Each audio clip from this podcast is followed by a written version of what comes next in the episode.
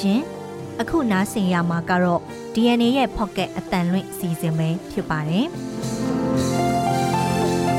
ဒေါ်လန်ရေးတိုက်ပွဲကာလဖြစ်တာနဲ့အညီတနေ့တာသတင်းဖြစ်ရက်တွေကိုနှွေဦးဒေါ်လန်ရေးသတင်းတွေကပဲဖုံလွှမ်းထားတတ်ပါတယ်။နှွေဦးဒေါ်လန်ရေးတဲ့ကလာတဲ့စစ်ရေးနိုင်ငံရေးသတင်းတွေအပြင်တနေ့တာသတင်းဖြစ်ရက်တွေတဲ့တခြားစိတ်ဝင်စားစရာလူမှုစီးပွားဘဝသတင်းတွေလည်းရှိနေတတ်ပါတယ်။ ဒီကနေ့မေလ29ရက်မှာရရှိတဲ့တနေ့တာသတင်းဖြစ်ရက်တွေတဲကသတင်းတချို့ကို DNA ရဲ့ Pocket အစီအစဉ်မှာစူးစီးဖော်ပြပေးလိုက်ပါတယ်။ဒီအစီအစဉ်ကိုတော့ကျွန်မနန်းခမ်းနဲ့အတူကျွန်တော်မောင်သိန်းကစူးစီးတင်ဆက်ပေးသွားမှာပါ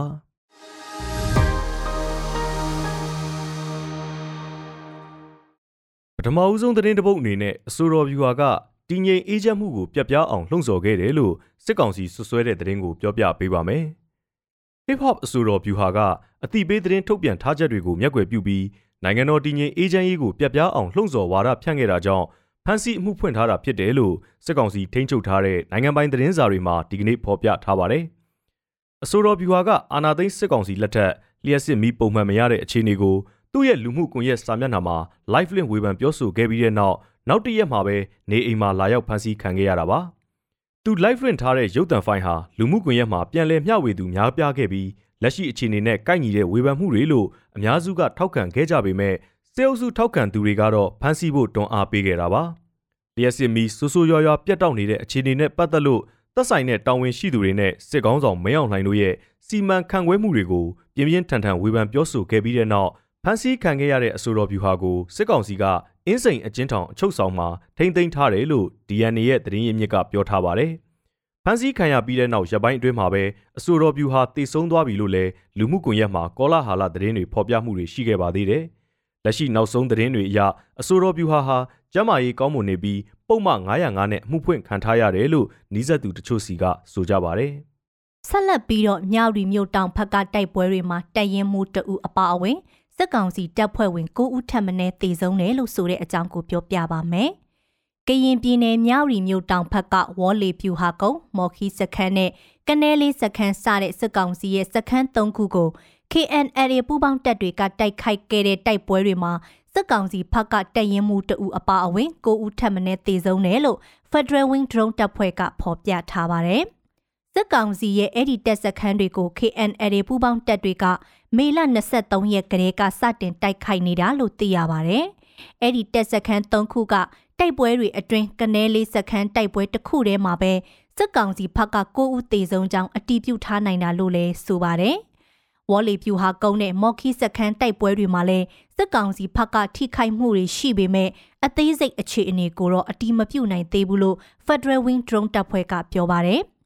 အထက်ပါစစ်ကောင်စီစခန်း၃ခုကိုတိုက်ခိုက်တဲ့တိုက်ပွဲတွေမှာ KNU KNLA နေရတစ်တက်ရင် KNTO တက်ရင်ရှင်းနဲ့ Federal Wing Drone တပ်ဖွဲ့တို့ပါဝင်တဲ့ပူးပေါင်းအဖွဲ့ကတိုက်ခိုက်နေကြတာလို့သိရပါဗျ။စစ်ကောင်စီရဲ့တပ်စခန်းတွေတိုက်ခိုက်ခံရပြီးနောက်စစ်ကောင်စီတပ်ကမော်ခီစခန်းအနီးမှာရှိတဲ့ပလွယ်ဖိုးကလိုးရွာကို ပုံကျဲတိုက်ခိုက်တာကြောင့်ခရီးရန်ဖျားရှိခိုးကြောင့်ထိမှန်ပျက်စီးခဲ့သလို တိုက်ပွဲနဲ့မသက်ဆိုင်တဲ့အနီးဝန်းကျင်ကျေးရွာတွေဖက်ကိုလည်းလက်နက်ကြီးတွေနဲ့ရန်တမ်းပစ်ခတ်နေတယ်လို့ဖော်ပြထားပါတယ်။ Federal Wing Drone တပ်ဖွဲ့ဟာ KNU လက်အောက်ခံတော်လှန်ရေးပူးပေါင်းတပ်ဖွဲ့တွေနဲ့အတူလက်တွဲပြီးမြေပြင်တိုက်ပွဲတွေမှာပါဝင်တိုက်ခိုက်နေတာကြာပြီဖြစ်ပြီးမကြသိမ်းမီကတော့အဲ့ဒီ drone တပ်ဖွဲ့နဲ့အမျိုးသားညီညွတ်ရေးအစိုးရ NUG ရဲ့ကာကွယ်ရေးဝန်ကြီးဌာနတို့ကြားပူးပေါင်းဆောင်ရွက်ကြဖို့သဘောတူညီထားကြပါတယ်။နောက်ထပ်သတင်းတစ်ပုဒ်အနေနဲ့ အာဏာသိမ်းပြီးတဲ့နောက်တိုင်းရင်းသားဒေသတွေမှာတယံဇာတတူးဖော်မှုအခြေအနေတွေစိုးရွားလာတဲ့သတင်းကိုပြောပြပေးပါမယ်။2021ခုနှစ်မှာစစ်တပ်အာဏာသိမ်းပြီးတဲ့နောက်ပိုင်းတိုင်းရင်းသားဒေသတွေမှာတရားမဝင်တဘာဝတယံဇာတတူးဖော်ရေးလုပ်ငန်းတွေများပြားလာပြီးတဘာဝပတ်ဝန်းကျင်တဲ့ဒေသခံတွေအပေါ်စိုးကျိုးတက်ရောက်မှုအခြေအနေစိုးရွားလာနေတယ်လို့မြမတတုမိုင်းစောင့်ကြည့်ရေးကွန်ရက် MMWN ကဒီကနေ့ထုတ်ပြန်ပါတယ်။အာဏာသိမ်းပြီးနောက်ပိုင်းကချင်ပြည်နယ်၊ရှမ်းပြည်နယ် ကရင်နီဒေသနဲ့ကရင်ပြည်နယ်တို့မှာရွှေကြောက်မြေရှားတပ်တူပရင်ခဲမဖြူအဖိုက်နဲ့နဲ့ရွှေဖြူတူးဖော်ရေးလုပ်ငန်းတွေများပြားလာတယ်လို့အဲ့ဒီအဖွဲ့ကပြောပါတယ်အဲ့ဒီတူးဖော်ရေးလုပ်ငန်းတွေကိုစစ်ကောင်စီကသူတို့ရဲ့လက်အောက်ခံပြည်သူစစ်တွေအခွန်ကောက်နိုင်ဖို့အတွက်ခွင့်ပြုထားသလိုဒိုင်းသားလက်နက်ကင်အဖွဲ့အစည်းတွေလည်းထဲထဲဝင်ဝင်ပါဝင်ပတ်သက်နေတယ်လို့ဆိုပါတယ်အဲ့ဒီတပ်တုတူးဖော်ရေးလုပ်ငန်းတွေကြောင့်ဒေသခံအမျိုးသမီးတွေနဲ့ကလေးငယ်တွေရဲ့လုံခြုံရေးအထူးသဖြင့် ပညာရေးကျန်းမာရေးစတဲ့အခွင့်အရေးတွေချင်းချောက်မှုအန္တရာယ်နဲ့ကြုံတွေ့နေကြရတယ်လို့လည်း MMWN ရဲ့ထုတ်ပြန်ချက်မှာဖော်ပြထားပါတယ်။ဒါအပြင်တတုတူးဖော်ရေးလုပ်ငန်းတွေရှိရာဒေသတွေမှာတရားမဝင်မူရစ်ဆေးဝါးထုတ်လုပ်ရောင်းဝယ်ဖောက်ကားသုံးစွဲမှုတွေကြောင့်လူမှုဘဝဆုံးရှုံးနစ်နာမှုတွေလည်းရှိနေတယ်လို့ဆိုပါတယ်။တဘာဝပတ်ဝန်းကျင်ကိုဒေသခံတွေအတွက် ထိခိုက်ဆုံးရှုံးမှုတွေရှိစေတဲ့ဒီလုပ်ငန်းတွေနဲ့ပတ်သက်လို့အမျိုးသားညီညွတ်ရေးအတိုင်းအမြံကောင်စီနဲ့အမျိုးသားညီညွတ်ရေးအစိုးရတို့ကကင်တွယ်စီမံဖို့လိုသလိုဖက်ဒရယ်တယံဇာတအုပ်ချုပ်မှုစနစ်ကိုအကောင့်ထဲပေါ်ဖို့လိုပြီလို့လည်း MMWN ကထောက်ပြထားပါတယ်။ဆက်လက်ပြီးတော့ငဇွန်က PDF တပ်ဖွဲ့ဝင်တူဖမ်းဆီးခံရပြီးနောက်ကြဆုံးနေဆိုတဲ့အကြောင်းကိုပြောပြပေးပါမယ်။မန္တလေးတိုင်းငဇွန်မြို့နယ်အခြေစိုက်ဒေသကာကွယ်ရေးတပ်စခန်းက တပ်ဖွဲ့ဝင်တဦးကိုစစ်ကောင်စီတပ်ကဖမ်းဆီးပြီးနှိပ်စက်ညှဉ်းပန်းတပ်ဖြတ်ခဲ့တာကြောင့်ကြဆုံးသွားပြီလို့အဖွဲ့ကောင်းဆောင်ကိုအေကိုက DNA ကိုပြောပါတယ်။ကြဆုံးသူဟာ Youth Guerrilla Counter Revolution TGYR ကအသက်20အရွယ်ရှိတဲ့တပ်ဖွဲ့ဝင် O1 ဖြစ်ပြီးမေလ24ရက်မနက်ပိုင်းမှာတရက်ချိုပင်ရွာကအုတ်ချုပ်ရေးမှုကိုရှင်းလင်းပြီးအပြန်နှိမ့်လေတန ਾਈ ခွဲဝင်းကျမှာဖမ်းဆီးခံရတာလို့ဆိုပါတယ်။ ကြေးရွာအုတ်ချုပ်ရေးမှုကိုရှင်းလင်းပြီးပြန်လာတဲ့ TGYR တပ်ဖွဲ့ဝင်တွေဟာအဲ့ဒီနေ့နေ့လေတန ਾਈ ခွဲလောက်ကဖောင်းကတော်ကြေးရွာနဲ့လက်ပံချင်းကြေးရွာအကြားအရှိဖက်ဆဲပေါင်တမန်ပေါ်မှာအယက်သားကားနှစ်စီးပေါ်ကစစ်ကောင်စီတပ်သားရဲ့ပြစ်ခတ်တိုက်ခိုက်မှုနဲ့ကြုံတွေ့ခဲ့ကြရပြီးတပ်ဖွဲ့ဝင်အိုဝမ်ကတော့ဒဏ်ရာနဲ့ဖမ်းဆီးခံလိုက်ရကအဲ့ဒီနေ့မှာပဲကြာဆုံးခဲ့တာလို့သိရပါတယ်။အိုဝမ်ဖမ်းဆီးခံရပြီးနှစ်ရက်မြောက်နေ့မေလ26ရက်မနက်9နာရီခန့်မှာ စစ်ကောင်စီက TGYR Youth Guerrilla Counter Revolution စခန်းကိုဝင်ရောက်စီးနင်းခဲ့တာကြောင့်စခန်းမှာရှိတဲ့ကြက်သိန်း150တန်မိုးရှိတဲ့လက်နက်ခဲယမ်းတွေဆုံးရှုံးခဲ့တယ်လို့ထုတ်ပြန်ထားပါတယ်။စခန်းစီးနင်းခံရတဲ့အတွက်စကားပြောဆက်၄လုံး60မမအဖူး40ကိုလုံးကြီးကြီးစံတွေမိုင်းတွေဆိုင်ကယ်နှစ်စီးစန်တအိတ်စီတပုံတပ်ဖွဲ့ဝင်ဖောင်တွေအပါအဝင်တပ်ဖွဲ့ရဲ့ပိုင်ဆိုင်မှုတွေဆုံးရှုံးခဲ့တာပါ။ ဒါအပြင်စခန်းဝင်စီးခံရလို့ရှေ့တန်းကတပ်ဖွဲ့ဝင်တွေနောက်တန်းပြန်ဆင်းရတဲ့အတွက်အိုဝမ်အကြောင်းကိုမစုံစမ်းနိုင်ခဲ့ဘူးလို့လေ TGYR တပ်ဖွဲ့ခေါင်းဆောင်ကိုအေကိုကဆိုပါတယ်။နောက်ဆုံးသတင်းတစ်ပုဒ်အနေနဲ့မိုခါမုံနိုင်တဲ့ပြည်သူတွေအတွက်ဆူတောင်းပေးခဲ့တဲ့ပုတ်ရမ်းမင်းကြီး Francis ရဲ့အကြောင်းကိုပြောပြပေးပါမယ်။စိုက်ကလုန်းမုံတိုင်းမိုခါတိုက်ခိုက်မှုတံကိုတက်ရောက်ခန်းစားရသူတွေအတွက်ပုတ်ရမ်းမင်းကြီး Francis ကဆူတောင်းပေးခဲ့တယ်လို့အရေးပေါ်ထောက်ပံ့ရေးပစ္စည်းတွေအမြန်ဆုံးပို့ဆောင်ပေးဖို့လဲတောင်းဆိုခဲ့ပါတယ်။ ပုတ်ရမ်းမင်းကြီး Francis ဟာမကြသေးခင်ရက်ပိုင်းကဖျားနာမှုဝေဒနာခံစားခဲ့ရပေမဲ့ပြီးခဲ့တဲ့သတင်းပတ်ကုံမှာတော့ဗာတီကန်နန်းတော်ကဝတ်ပြုဆုတောင်းမှုအစီအစဉ်ကိုတက်ရောက်ရင်းမုံတိုင်းသင့်ပြည်သူတွေအတွက်ဆုတောင်းပေးခဲ့တာပါ။မေလလယ်ကဘင်္ဂလားပင်လယ်အော်မှာဖြစ်ပေါ်ခဲ့တဲ့မိုခါဆိုင်ကလုန်းကြောင့်မြန်မာနဲ့ဘင်္ဂလားဒေ့ရှ်နိုင်ငံတွေမှာထိခိုက်ပျက်စီးမှုတွေအသေးပြောက်တွေကြုံတွေ့ခဲ့တဲ့သတင်းကိုကြားသိရကြောင်းဆိုင်ကလုန်းမုန်တိုင်းဒဏ်ခံပြည်သူတွေအတွက်ဝိုင်းဝန်းဆုတောင်းပေးဖို့ဖိတ်ခေါ်လိုကြောင်းရိုမန်ကက်သလစ်ခရစ်ယာန်ဘာသာရေးရဲ့အကြီးအမှု ပုဂ္ဂိုလ်ကြီးကမိန့်ကြားခဲ့ပါတယ်။လူပေါင်း၈သိန်းကျော်လောက်ဟာစိုက်ကလုန်းတန်ကြောင့်အရေးပေါ်ထောက်ပံ့ရေးအကူအညီတွေလိုအပ်နေတယ်လို့ကြားသိထားရကြောင်းထိခိုက်ခံစားရသူတွေအတွက်စာနာဝမ်းနည်းမှုနဲ့အတူလူသားချင်းစာနာမှုဆိုင်ရာအထောက်ပံ့တွေအမြန်ဆုံးပို့ဆောင်ပေးဖို့တောင်းဆိုလိုကြောင်းပုတ်ရမ်းမင်းကြီးကပြောပါတယ်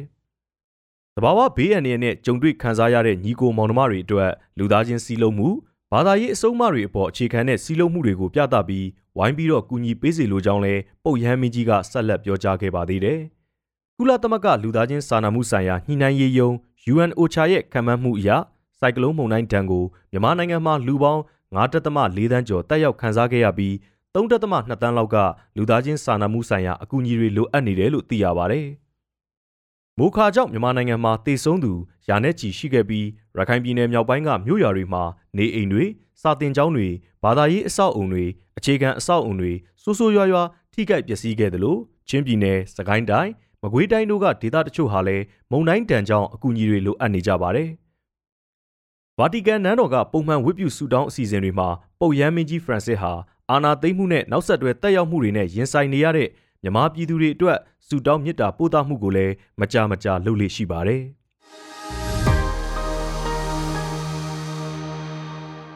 အခုနိုင်ငံတကာသတင်းအစီအစဉ်ကိုနန်းခမ်းကဆက်လက်တင်ဆက်ပေးပါမယ်။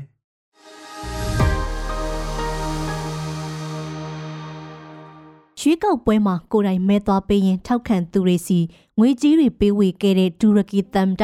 ရာဂျစ်တာယီအာတိုဝမ်ရဲ့လုပ်ရက်အပေါ်ဝေဖန်မှုတွေမြင့်တက်နေပါတယ်။မေလ28ရက်ကအာတိုဝမ်ဟာ မြို့တော်အန်ကာရာမှာရှိတဲ့မဲယုံတစ်ခုစီမဲသွားပေးရင်ထောက်ခံသူတွေကိုလိုင်ယာငွေ200တန်းနေဝင်ငှပေးနေကြတာဖြစ်ပါတယ်။အဲ့ဒီငွေဆက်ကူတရွက်ဟာအမေရိကန်10ဒေါ်လာဝန်းကျင်နဲ့တန်ဖိုးညီမျှပါတယ်။အာတိုဝမ်ဟာရွေးကောက်ပွဲပထမအဆက်မှာရလက်မပြတ်သားခဲ့တဲ့အခြေအနေတွေကြောင့်အတိကပြိုင်ဖက်ကီမယ်ဂီလီတာရိုဂလူနဲ့နှစ်ဦးတည်းဒုတိယအဆင့်ရွေးကောက်ပွဲကိုဆက်လက်ရှင်ပြိုင်ခဲ့ရတာပါ အာတိုဝမ်ဟာမေလ14ရက်ပြုလုပ်ခဲ့တဲ့ရွေးကောက်ပွဲပထမအဆင့်မတိုင်ခင်တုန်းကလည်းကလေးတွေကိုမှုန့်ဖိုးဆိုပြီးငွေဆက်ကူတွေပေးဝေခဲ့ပူပါတယ်အတိုက်အခံအင်အားစုတွေကအဲ့ဒီအချိန်ကလေးကအာတိုဝမ်ရဲ့လှုပ်ရက်ဟာမဲဝယ်ယူတဲ့သဘောဖြစ်နေပြီးမယိုသားဘူးလို့ဝေဖန်ခဲ့ပါတယ်ပြီးတော့ရွေးကောက်ပွဲမှာမဲလာပေးရင်နောက်တစ်ကြိမ်ငွေဆက်ကူတွေဝေပေးတဲ့ကိစ္စကလည်းရွေးကောက်ပွဲစီးမြင်တွေနဲ့ညှိစွန်းမဲ့အတိတ်ပဲမျိုးဖြစ်နေပါတယ်။ ဒူရကီရွေးကောက်ပွဲဥပဒေတွေအရရှင်ပြိုင်သူတွေဟာရွေးကောက်ပွဲနေ့မှာမဲဆွယ်စည်းရုံးမှုစံနဲ့အပြုတ်အမူမှန်တမျှကိုရှောင်လွှဲရမှာပါ။ရွေးကောက်ပွဲကော်မရှင်ကတော့အခုကိစ္စနဲ့ပတ်သက်ပြီးဘာမှတ်ချက်မှမပေးသေးပါဘူး။ရွေးကောက်ပွဲကော်မရှင်ကမဲရလတ်တွေကိုတရင်ဝင်မထုတ်ပြန်သေးပေမဲ့အခုအခါအာတိုဝမ်ဟာထောက်ခံမဲ့52ရာခိုင်နှုန်းထက်မနည်းရရှိဖို့တေချာနေတာကြောင့်2014ကလေးကအစပြုခဲ့တဲ့သူ့ရဲ့အာဏာသက်တမ်းကိုဆွဲဆန့်နိုင်တော့မှာပါ ရွေးကောက်ပွဲမတိုင်ခင် တူရကီမှာငလင်အကြီးအကျယ်လှုပ်ခတ်ခဲ့ပြီးအစိုးရရဲ့ဂေဆယ်ရေးလုပ်ငန်းတွေအားနည်းခဲ့တာတူရကီလာယာငွေတန်ဖိုးကတိတိတတကြန့်စင်းခဲ့တာမျိုးပြဿနာတွေရှိခဲ့တဲ့တိုင်အာတိုဝမ်ဟာကွန်ဆာဗေးတစ်မူဆလင်မဲဆန္ဒရှင်တွေရဲ့အားကောင်းကောင်းထောက်ခံမှုတွေနဲ့အတူရွေးကောက်ပွဲမှာအသာစီးအနေအထားကိုထိမ့်သိမ်းနိုင်ခဲ့တာလည်းဖြစ်ပါတယ်။ ယူကရိန်းနိုင်ငံမှာရုရှားရဲ့ဒုံးကျည်တိုက်ခိုက်မှုတွေကြောင့်ပြိုကျသွားတဲ့ဘဲလီအကတန်တန်းကျောင်းရှေ့မှာကျောင်းသူတွေကတန်တန်းစင်းပွဲပြုလုပ်ခဲ့ကြပါတယ်။ပြိုပြက်နေတဲ့အဆောက်အုံရှေ့မှာယူကရိန်းမိန်းကလေးငယ်တွေက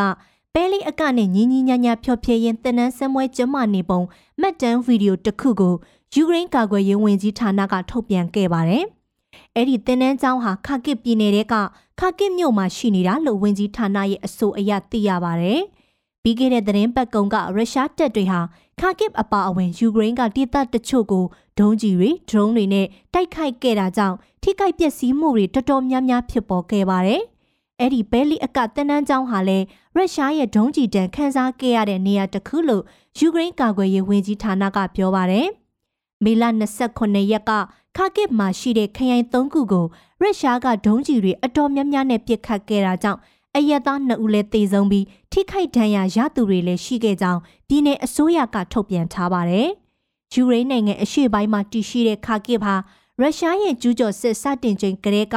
စစ်တမ်းကိုအဆိုးဆုံးခံစားရတဲ့တိတတွေကတခုအဖြစ်လဲစည်ရင်းဝင်ခဲ့ပါတယ်။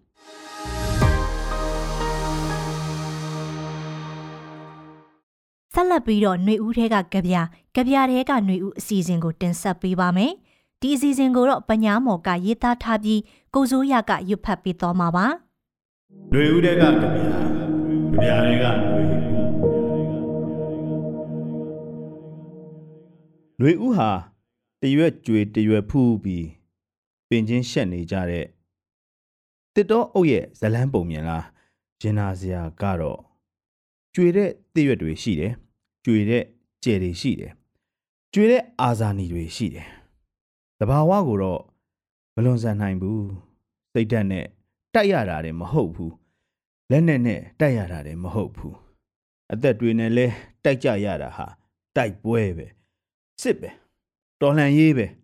အရေးတော်ပုံပဲတရွယ်ချင်းကြွေတာလဲအရေးကြီးတယ်တရွက်စီဖူးသစ်လာတာလဲအရေးကြီးတယ်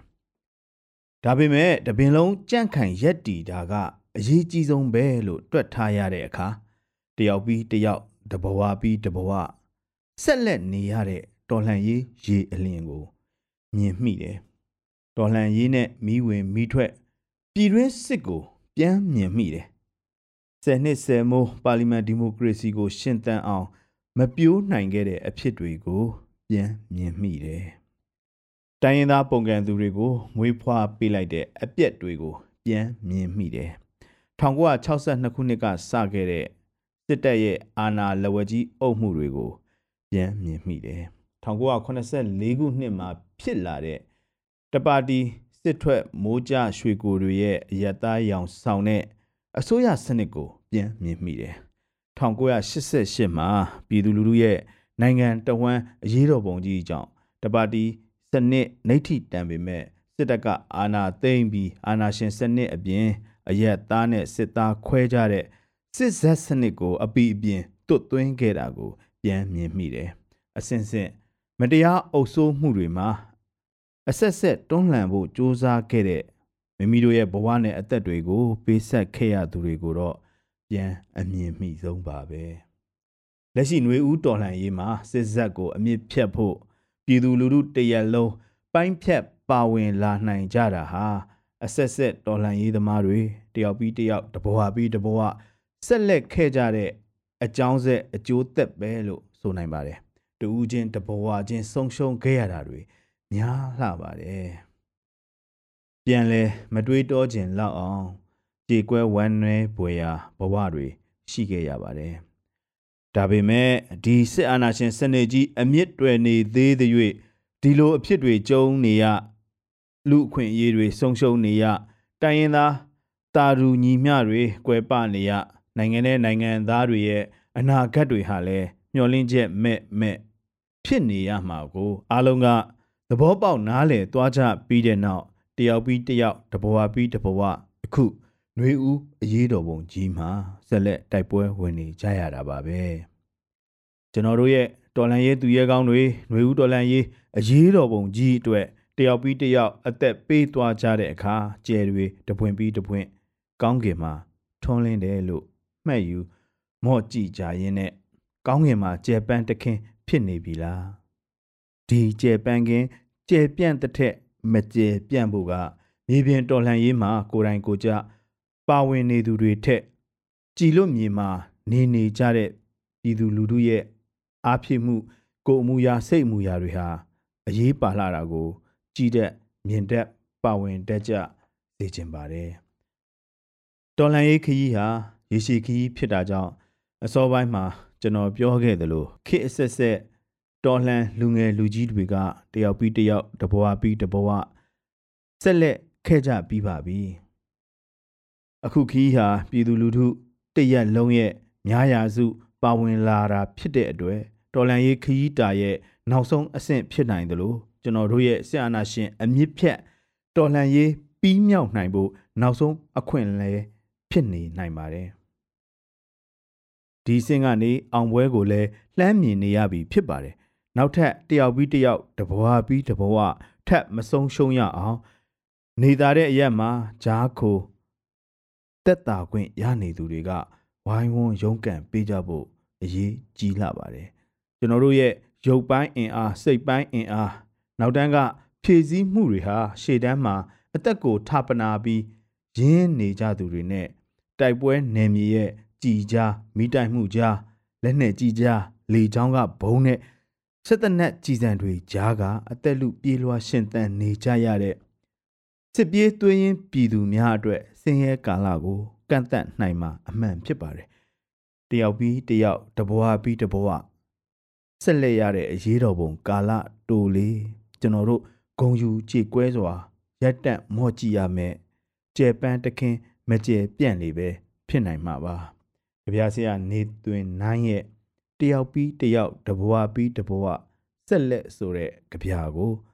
ဆက်လက်နားထောင်ကြည့်ကြပါခင်ဗျာတယောက်ပြီးတယောက်တဘဝပြီးတဘဝဆက်လက်ဘာမစိုးဖြစ်နိုင်တယ်ဆိုလို့ကြွက်တွေလိုအစာရှာကြီးကန်းလိုမိုးလင်းခဲ့တယ် ဘာမစိုးဖြစ်နိုင်တယ်ဆိုလို့ထမင်းတနက်တောင်းတယ်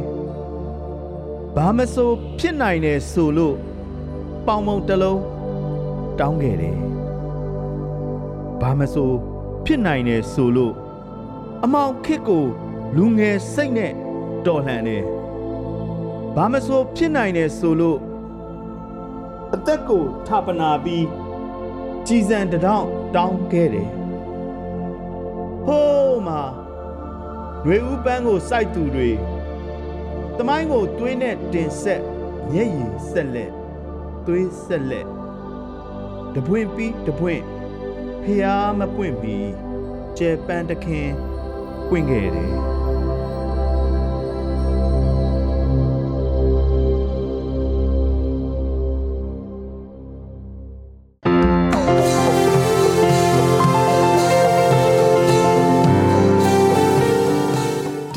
Pocket အတန်ရင်းအစီအစဉ်ကိုအပတ်စဉ်တနင်္လာနေ့ကနေတောက်ကြနေ့အထိည9:00နာရီတိုင်းမှာတင်ဆက်ပေးသွားမှာပဲဖြစ်ပါတယ်